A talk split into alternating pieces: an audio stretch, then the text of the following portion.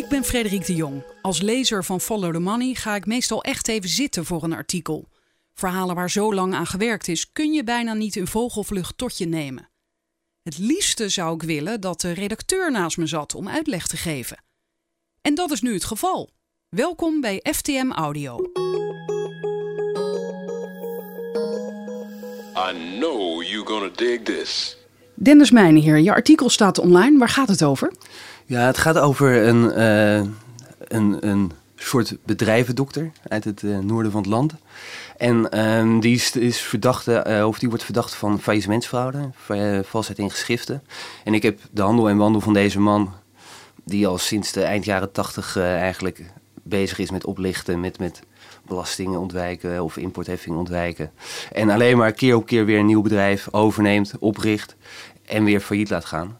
En eh, aan de hand van deze casus heb ik eigenlijk eh, een beetje de knelpunten van eh, ja, de bestrijding van faillissementsfraude proberen te ontrafelen. En waarom is deze man uitverkoren? Nou, omdat hij al echt heel veel faillissementen op zijn naam heeft staan.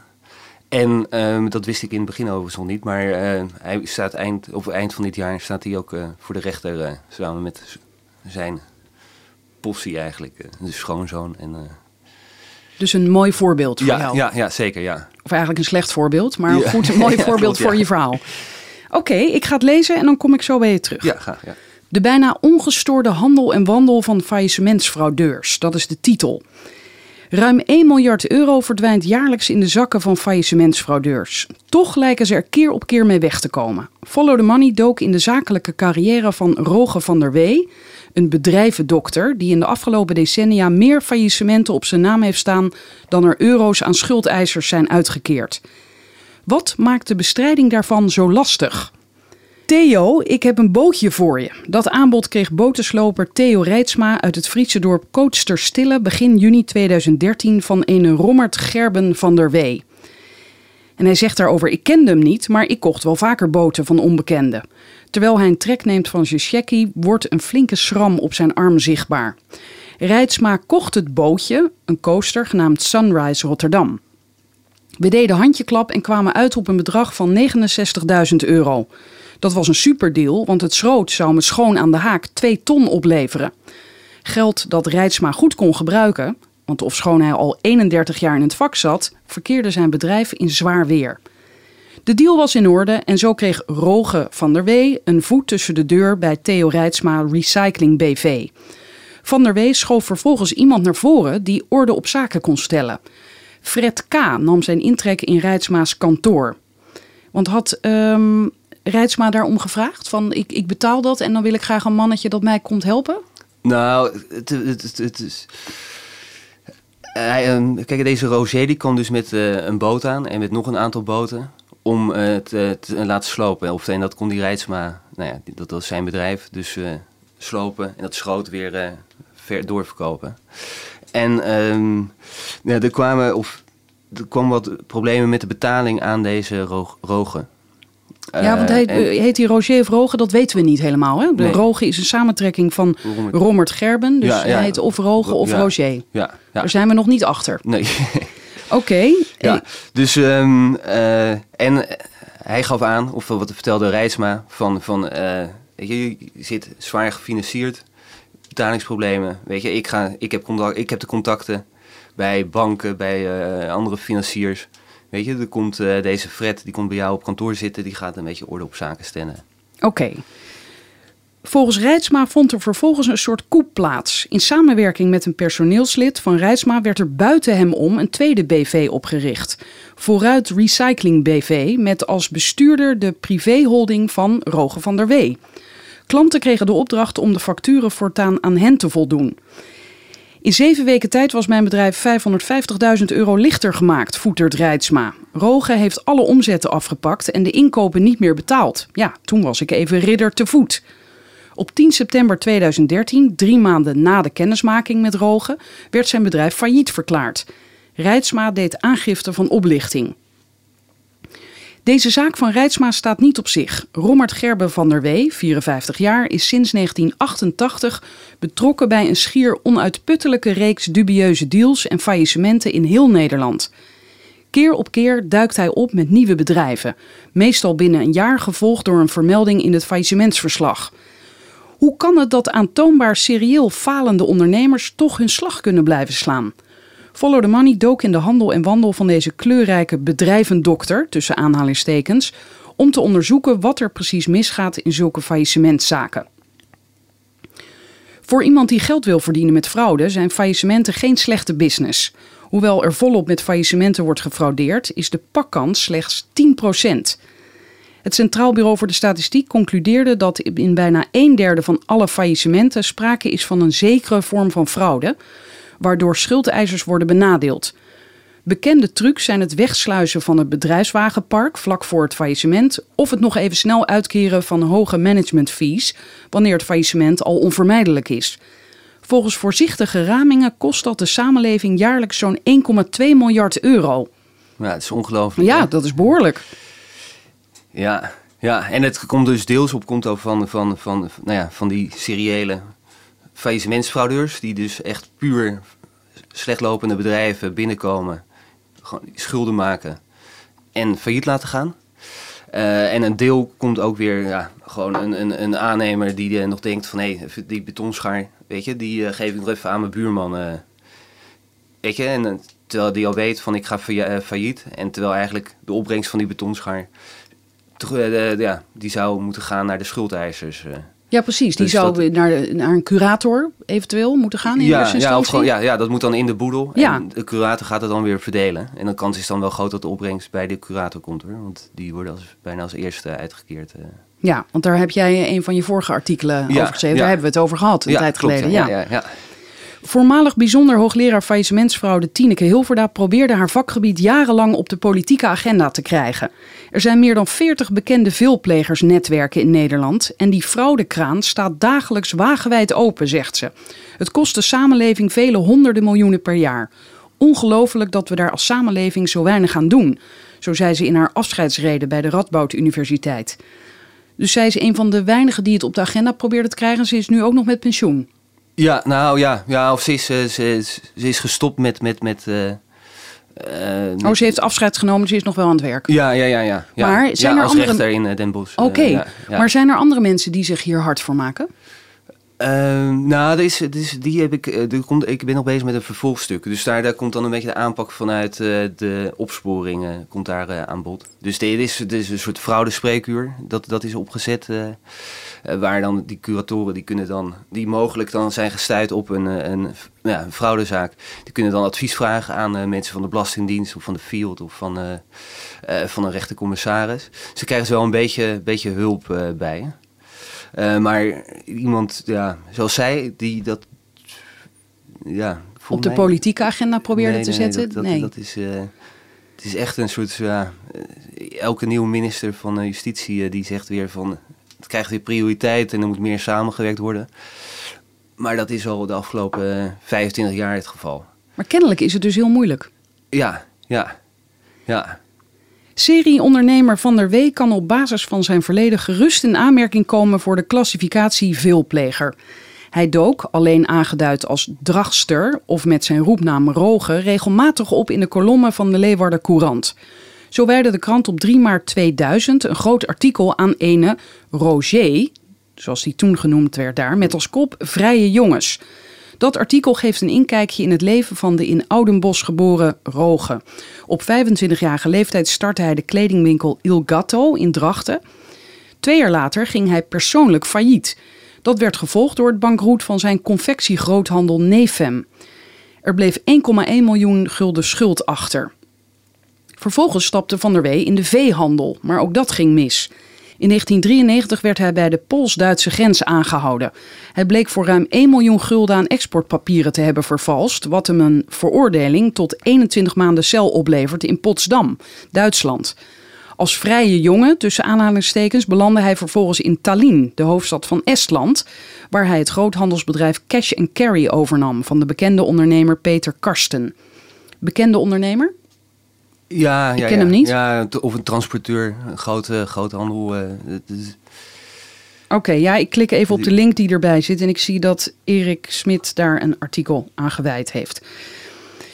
Rogen bleek niet te betalen. Wat een ellende heb ik gehad met die oplichter, zei Karsten destijds in een profielartikel in de Leeuwarder Courant. Bert Pijper uit Drachten leerde de charmante ondernemer in deze periode kennen in de muziekscene. Ik werd aan hem voorgesteld bij Pink Records in Drachten, waar de Spaanse house act Double Vision een gouden plaat kreeg uitgereikt. Roge was toen bevriend met de eigenaar Eddie Harms, bekend van de hit Ik ben boer Harms en ik kom uit Dr Ik ben boer Harms en ik kom uit Drenthe. Oh ja, dat nummer. Ja. Hij viel op door zijn dure levensstijl, kleding uit de PC Hoofdstraat, dikke auto's en een aantal Rolex horloges. Hij is bovendien een goede netwerker. In zijn carrière wist hij het vertrouwen te winnen van ondernemers zoals Wouter van de Bunt, nu partner bij KPMG, Peter Karsten, die ondernemer, en Quote 500-lid Willem Blijdorp. Ook Pijper ging in zee met Rogen. Ze gingen in de foodhandel in Tallinn. Na twee maanden ben ik er al uitgestapt, want hij hield zich niet aan afspraken en onttrok geld aan het bedrijf, zegt Pijper, die de carrière van zijn oud-compagnon nog op de voet volgt. Roge is een vrijbuiter die maar doet waar hij zin in heeft. Hij lacht om een faillissement meer of minder. Met alles wat hij aanraakt is het binnen een jaar gedaan. Na het Tallinn-avontuur kwam Roge vaker met de Belastingdienst en justitie in aanraking. Zo werd hij in 2005 tot twee jaar cel veroordeeld wegens het ontduiken van belastingen met zijn handelsbedrijf in Snoekbaars en Kabeljauw. Hij is wel van, van alle markten thuis, Ja, ja, ja. inderdaad. Ja. En in 2008 oordeelde het gerechtshof Leeuwarden dat hij nog voor een bedrag van ruim 3 ton geplukt moest worden. Het persoonlijk faillissement, de ontneming en de veroordelingen weerhielden hem echter niet van zijn zakelijke carrière voor te zetten. Integendeel, hij breidde zijn werkterrein steeds verder uit. Zo stapte hij onder meer in het vastgoed, Rijtsmaats botensloperij en een jachthaven. Ja, er zit ook, ja, of dat, dat, dat, eh, hij is ook nog een tijdje verdachte geweest eh, bij een soort illegale whisky eh, of vodka-stokerij in, in Drachten. Ja, dus het, ja, van alle markten thuis. Dat Ja, is wel een het gaat goede- alle kanten goede- op. Ja, ja, ja. In 2011 maakte Van der Wee zijn entree in de thuiszorg. Dat deed hij via Stichting Antoinette Zorg, een thuiszorgonderneming met 20 personeelsleden in het Noord-Hollandse Huizen. Als bedrijvendokter wist Roge er een voet tussen de deur te krijgen. De huidige bestuurder, Helga Tjon Akon, vertrok in de zomer van 2011 naar Suriname. En in haar afwezigheid vond één maand later, augustus 2011, een complete bestuurswisseling plaats. En zij zegt daarover: Roge heeft mijn bedrijf gestolen. Hij zou me aan financiering helpen en gaan participeren in het bedrijf. We waren daarover nog in conclaaf. Maar toen ik in Suriname was, heeft hij me met een vervalste handtekening en een oude kopie van mijn paspoort uitgeschreven als bestuurder. John Arcon zegt hierover aangifte te hebben gedaan bij de politie in Huizen. Maar ja, als je daar aangifte van, van doet, wat gebeurt er dan? Het klinkt vrij bizar. Van iemand heeft mijn bedrijf overgenomen Ja, met ja, mijn oude paspoort. ja, ja, ja, Is daar nog iets uitgekomen? Dit eh, faillissement, de Stichting Antoinette Zorg, is eh, een, een van de faillissementen die, die heeft, hebben geleid tot eh, aangiftes van de cu- curator. ehm, en ook de, de, de opvolger van de Stichting Antoinette Zorg. Er is ook aangifte in gedaan. Eh, dat is opgepakt door justitie. En die, deze zaak die, die gaat dan eind van het jaar, komt dat voor de rechter. Oké, dus deze kwesties hebben geleid tot die rechtszaak die Ja, nog ja, moet ja, komen. ja. Ja. In het handelsregister valt inderdaad te zien dat Roge en zijn zakenpartner Fred K. in augustus 2011 als nieuwe bestuurder van Antoinette Zorg werd ingeschreven. Tot de Raad van Toezicht trad onder meer Roges vriendin toe. Ook wist hij de Utrechtse advocaat P. Bouwman te strikken. Eén dag later werd Bouwman echter alweer uitgeschreven als toezichthouder. Daarover zegt de advocaat nu: Rommert was al een cliënt van mij en vroeg: Joh, wil jij me helpen door even in die Raad van Toezicht zitting te nemen? Ik heb dat gedaan, maar na één dag heb ik gezegd: Rommert, ik ga het toch niet doen. Bij die zorginstelling was het zo'n puinhoop en ik kon problemen krijgen met verschillende petten, van toezichthouder en advocaat. Bouwman haakte af, Van der Wee zette door. Bouwman zegt daarover: Rommert profileerde zich als een financieel specialist en kon dat met een enorme overtuigingskracht brengen. Ik heb contacten bij banken en we gaan de toko zo en zo weer van de grond krijgen, zei hij dan. Dat laatste lukte hem alleen steeds niet. Het nieuwe bestuur van Antoinette Zorg ging voortvarend te werk. De inventaris en de administratie verhuisden van Huizen naar Roges kantoor in Drachten. Het zou van korte duur zijn. Aan het eind van het jaar was iedereen weer uitgeschreven en een half jaar daarna ging Antoinette Zorg failliet. Er bleef een schuld achter van 750.000 euro. Volgens het openbare verslag van curator Nadja Wilderink is een bedrag van 490.000 euro op onverklaarbare wijze verdwenen. Dat bedrag is deels naar Roges vennootschap, Hero Holdings Limited, gegaan, een spookbedrijf opgericht in Belize. Administratie ontbreekt. In het meest recente curatorenverslag valt te lezen dat er volgens Rogen voorheen wel eens administratie is gevoerd, maar die is nihil te noemen. Een deugdelijke verantwoording ontbreekt. Wilderink laat desgevraagd weten dat ze in maart 2015 aangifte heeft gedaan van valsheid in geschriften en faillissementsfraude. Het ontbreken van belangrijke delen van de bedrijfsadministratie is een terugkerend fenomeen, niet alleen bij de faillissementen van Rogen. Deze truc wordt veel toegepast door faillissementsfraudeurs. Het achterliggende idee is dat het werk van de curator zo moeilijk mogelijk wordt gemaakt, of dat die wordt overladen met informatie. Ja, zo voelt het voor mij ook een beetje. Als ik dit zo lees, dan het is zo ingewikkeld en ze maken het dus heel ja, erg ja, ja, ingewikkeld. Ja, ja, ja, ja, ja, want ik kan bijvoorbeeld zeggen vanuit zo'n limited op eh nou ja, Belize en die toen verplaatst naar Drachten. Maar ehm, ja, er is geld weggegaan. En als je dan zegt van ja, maar dat komt eh, omdat er nog een vordering. eh, ik heb ooit geld geleend aan vanuit deze Hero naar aan Stichting Antoinettenzorg. Of ik heb dit voorgeschoten en dat. Als je alleen maar met pakken met, met e-mails, met, met ja, Met dit soort, soort van, eh, suggesties komt, ja. komt, ja. Dat moet allemaal weer geverifieerd worden door eh, zo'n curator. En eh, is zo'n curator daartoe verplicht? Nou, hij eh, hoort dat wel te doen. Hij moet onderzoek doen en hij moet kijken van... eh, nou ja, hij moet geld binnenhalen voor de schuldeisers. Ja. Ehm, Maar niet iedere curator is daar misschien toe in staat? Of onderschat ik nu curatoren? nou, kijk, als er geen of bijna niks in de boedel zit... eh, dus, dus er valt niks te verdelen, of bijna niks te verdelen. Ja, dan is dan het duidelijk. dan, eh, dan, ja, zo'n curator die wordt betaald uit eh, de, de, de boedelopbrengst. En als die niks is, dan krijgt de curator ook niks betaald.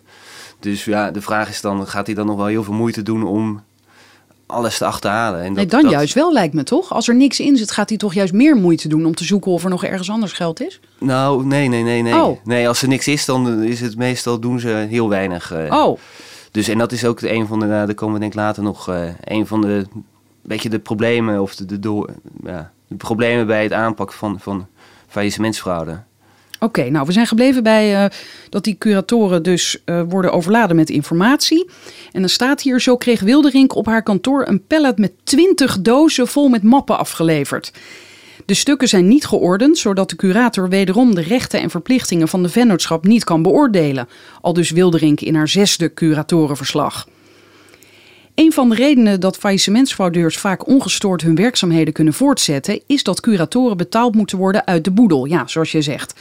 Fraudeurs zorgen daarom voor dat die boedel nihil is, zodat curatoren geen financiële prikkels hebben om diepgravend onderzoek te doen.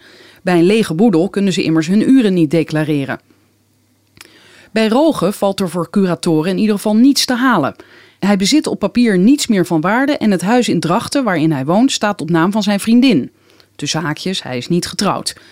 Bovendien heeft hij zich in januari 2015 persoonlijk failliet laten verklaren vanwege meerdere claims van de Belastingdienst. Ja, ja. Ja, en dus dat is een probleem. Er is geen verhaal bij hem. Dus, dus eh, Zo makkelijk is dat? Dat je zegt, ik ben nu persoonlijk failliet. Je hoeft me niet meer te nou, bellen. je, dat moet wel toestemming van de rechter. eh, maar hij heeft nou, een paar ton, dacht ik, eh, nog vanwege. En dat heeft weer met een jachthaven te maken waar hij eh, een soort papieren winst heeft gemaakt. Maar ehm, ja, kijk, ja, het is een kale kip. dat, Ja. Misschien heeft hij nog wel ergens geld weggezet, maar in ieder geval op papier is die, heeft hij geen aandelen meer, geen huis, geen boten, geen. dus ja. Het is een trendbreuk voor de ondernemer die gewend was om business class te vliegen, regelmatig Marbella en Thailand aandeed en zijn kleding in de PC Hoofdstraat kocht.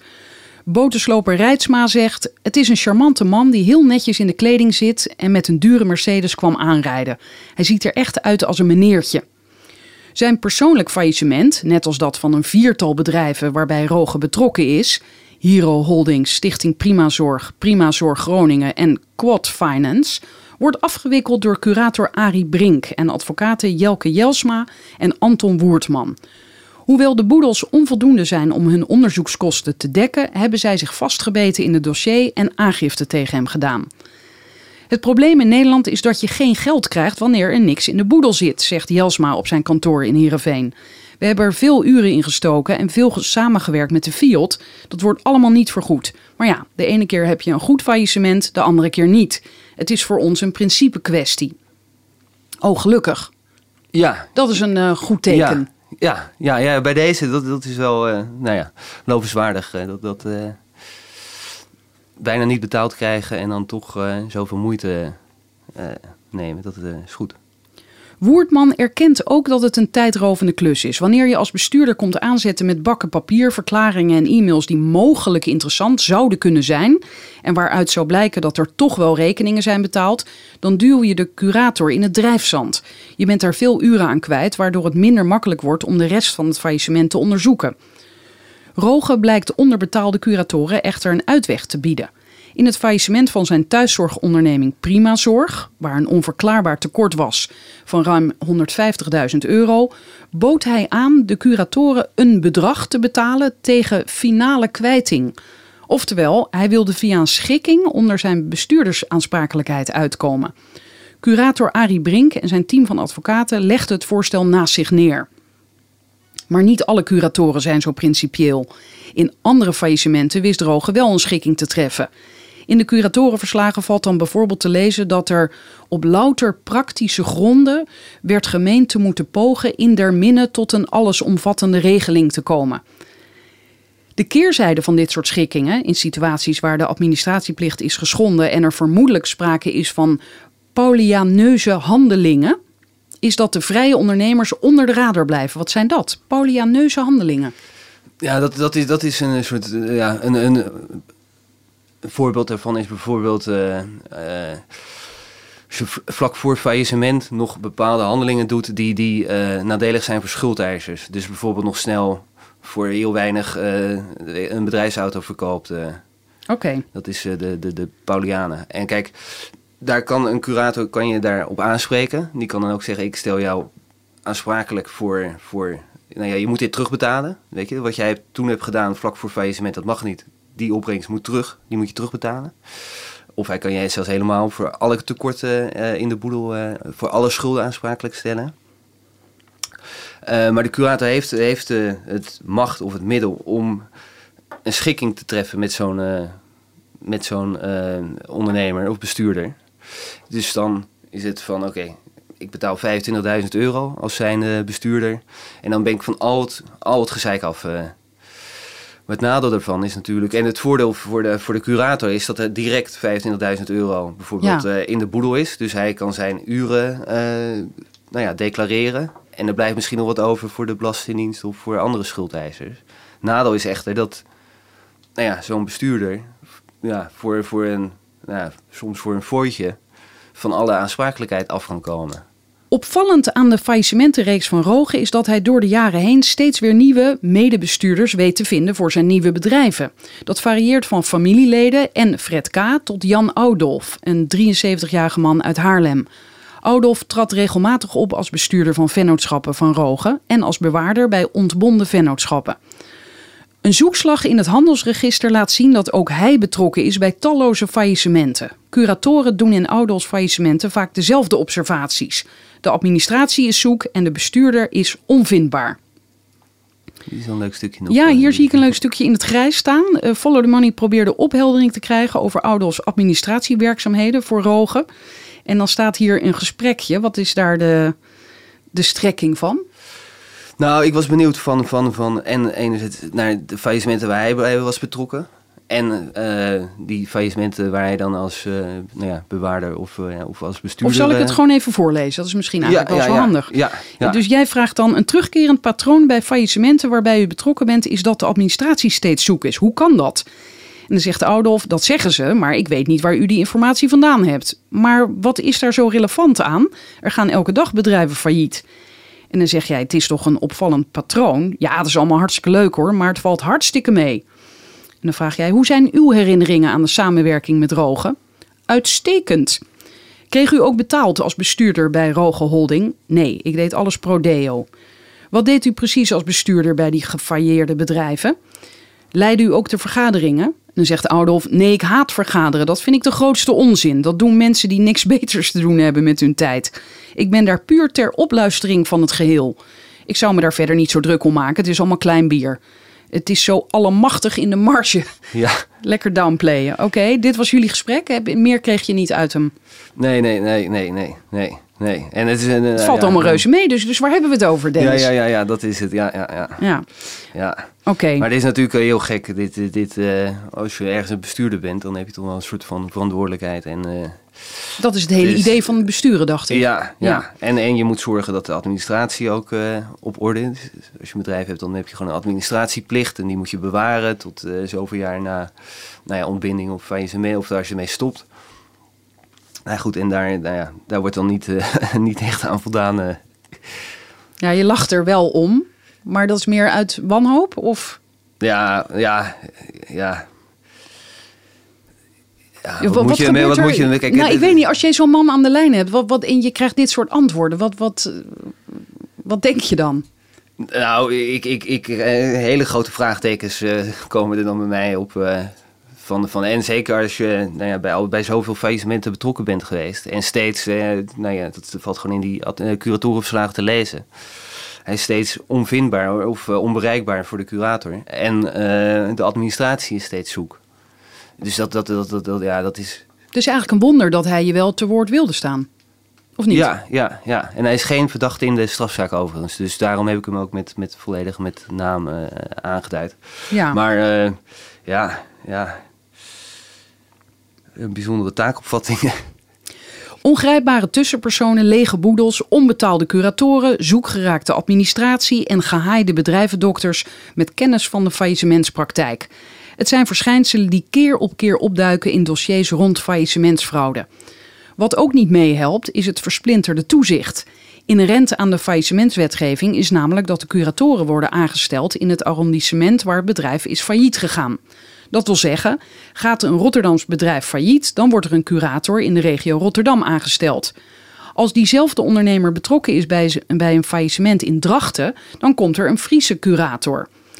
Iedere curator wikkelt dan alleen maar zijn stukje af. Dat is heel fragmentarisch zodra iemand betrokken is bij meerdere faillissementen door Nederland, zegt Woerdman.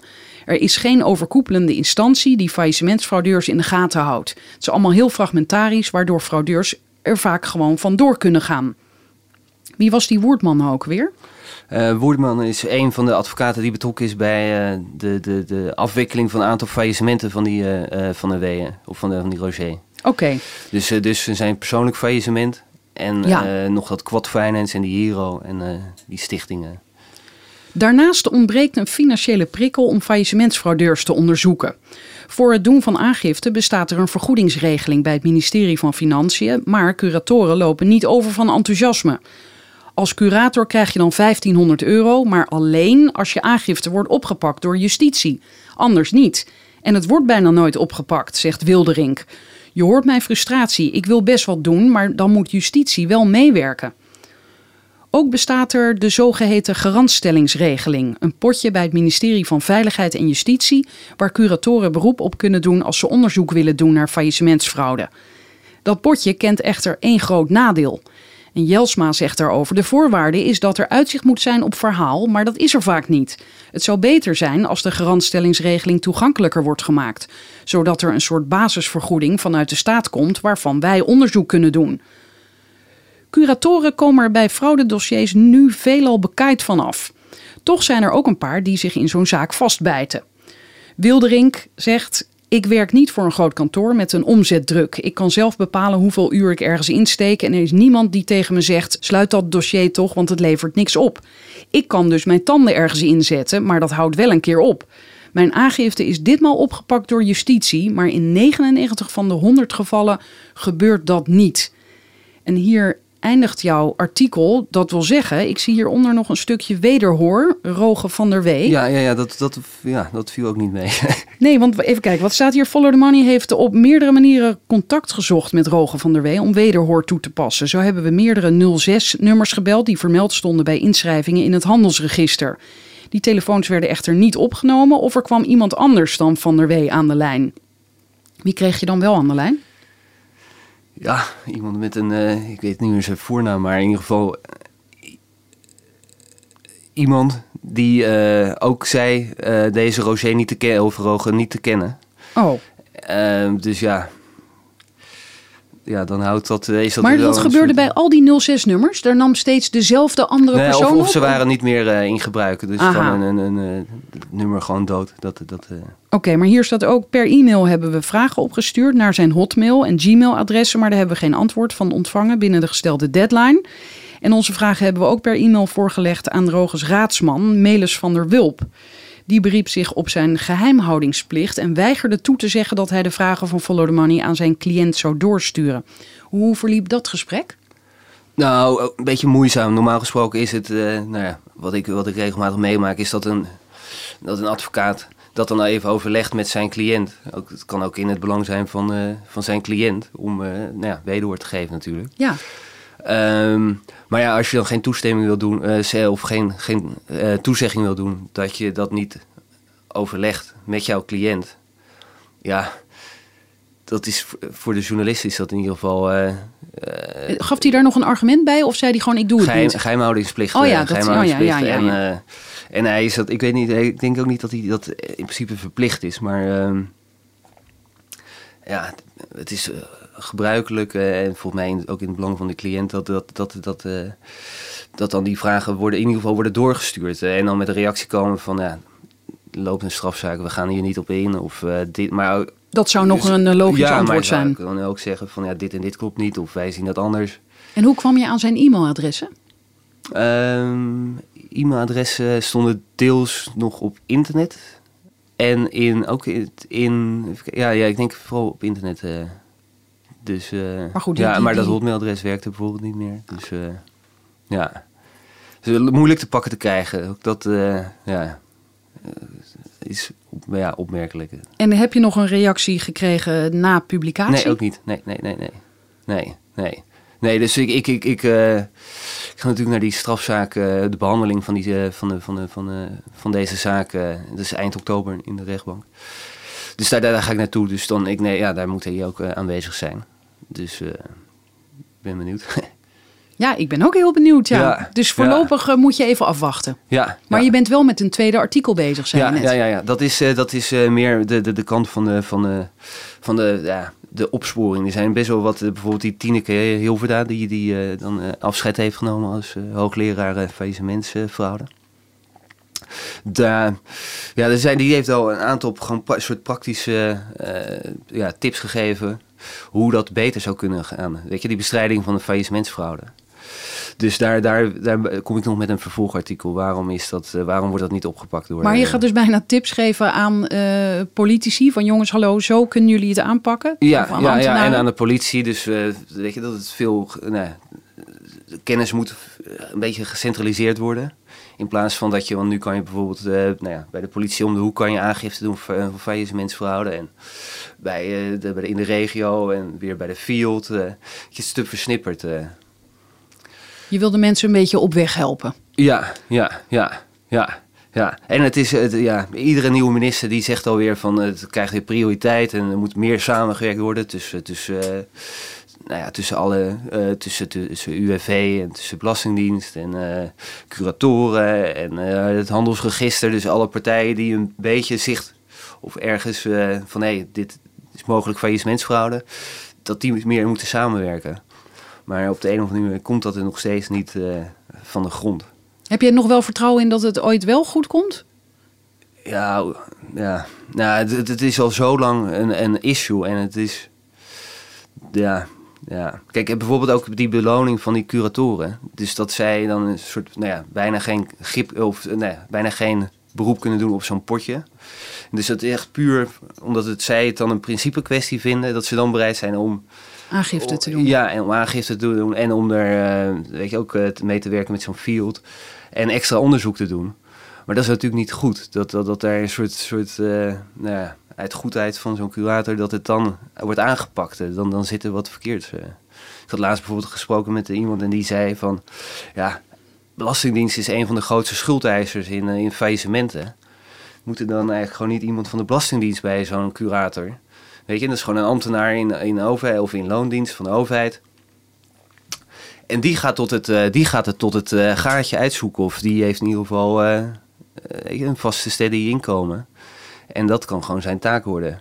En bij en zo'n curator, die, ja, die gaan gewoon, ja, die laten dit soort eh, nou, faillissementsfraudeurs eh laten zij wegkomen met een, eh, weet je, daar gaan ze mee schikken. Of ze doen geen aangifte. Of ze zeggen van ja, Ik klopt van, alle- klopt niet. van alles ja. niet. De administratie is, maar er, is bijna, er zijn bijna geen schuldeisers. En eh, ja, ik kan hier niks mee. Ik stop ermee. Weet je, dit, eh, ik sluit het eh, faillissement af. En dat is dan wegens gebrek aan baten. Dan, dan, En die strafzaak die in oktober volgt, kan die nog, stel dat deze man veroordeeld wordt, kan dat dan nog helpen in het verbeteren naar het opsporen van fraudeurs? Of is dat dan gewoon een, een zaak die helemaal los staat, die alleen maar ja, letterlijk over hem gaat en dat, dat doet niks af aan dit hele proces? Nee, nee, nee. Dit, dit, dat, ja, dat gaat puur op hem. En, en, en zijn, zijn hulpjes of eh, de, de, de andere verdachten. Dus los daarvan, en daarom maak je misschien ook een tweede artikel. Sorry, moet er dus een. eh, ja, dit kan beter eigenlijk, kort ja, gezegd. Ja, ja, ja. Want er zijn, eh, nou ja, wat, wat, wat die Tineke Hilverda dan ook aangeeft. Die, die veelplegers, die, die zijn in beeld gebracht. Dus, eh, dus, dus weten wie, wie treedt op als een soort katvanger, eh, als zijn bestuurder. Nou ja, wie, zijn, wie gaat er, nou ja, misschien meer dan vijf keer failliet in je leven. Weet je, dat is ook al een soort rode vlag, weet je. Dan, Ja. En dat moet dan aangepakt worden. Dus, dus- maar ja, dat, eh, en het kost heel veel tijd. Want deze zaak loopt ook alweer. Nou ja, in, in, in eh, even kijken, 2015 is dan aangifte gedaan. Ja, drie jaar later. Dat, eh, en dan, dan, dan ja, heeft hij ook nog een klap op zijn hoofd gekregen in Tallinn, de, de, de verdachte.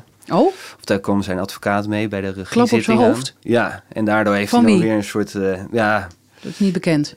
onbekend of... eh, Dus- daar dus heeft de Courant eh, meer, eh, opgeschreven. En daar heeft hij hersenbeschadiging eh Oh. opgelopen. En dat verklaar, zou dan zijn gedrag verklaren. Ja, ja. Dus dan moest er weer een psychologisch onderzoek, geloof ik, komen. Maar goed, dat, dat, dat kost allemaal tijd. En eh, er zijn ook enorm, voor mij iets van 30, 40 eh, getuigen opgeroepen. En jij gaat hem dus voor het eerst zien, want het is jou niet gelukt om hem te benaderen en te bereiken. Ja, ja. Je hebt Ja. ook nog geen idee hoe hij eruit ziet. of Jawel, wel? jawel, oh, wel. Ja, wel. Ja, ja, ja. Oh, ja, zijn- ik heb wel wat foto's op, eh, op internet eh, die zijn te vinden. Het is gewoon een hele een, babyboomer met een mooie witte broek en zo'n blauw overhemdje. en, Babyboomer. en iets wat overgewicht.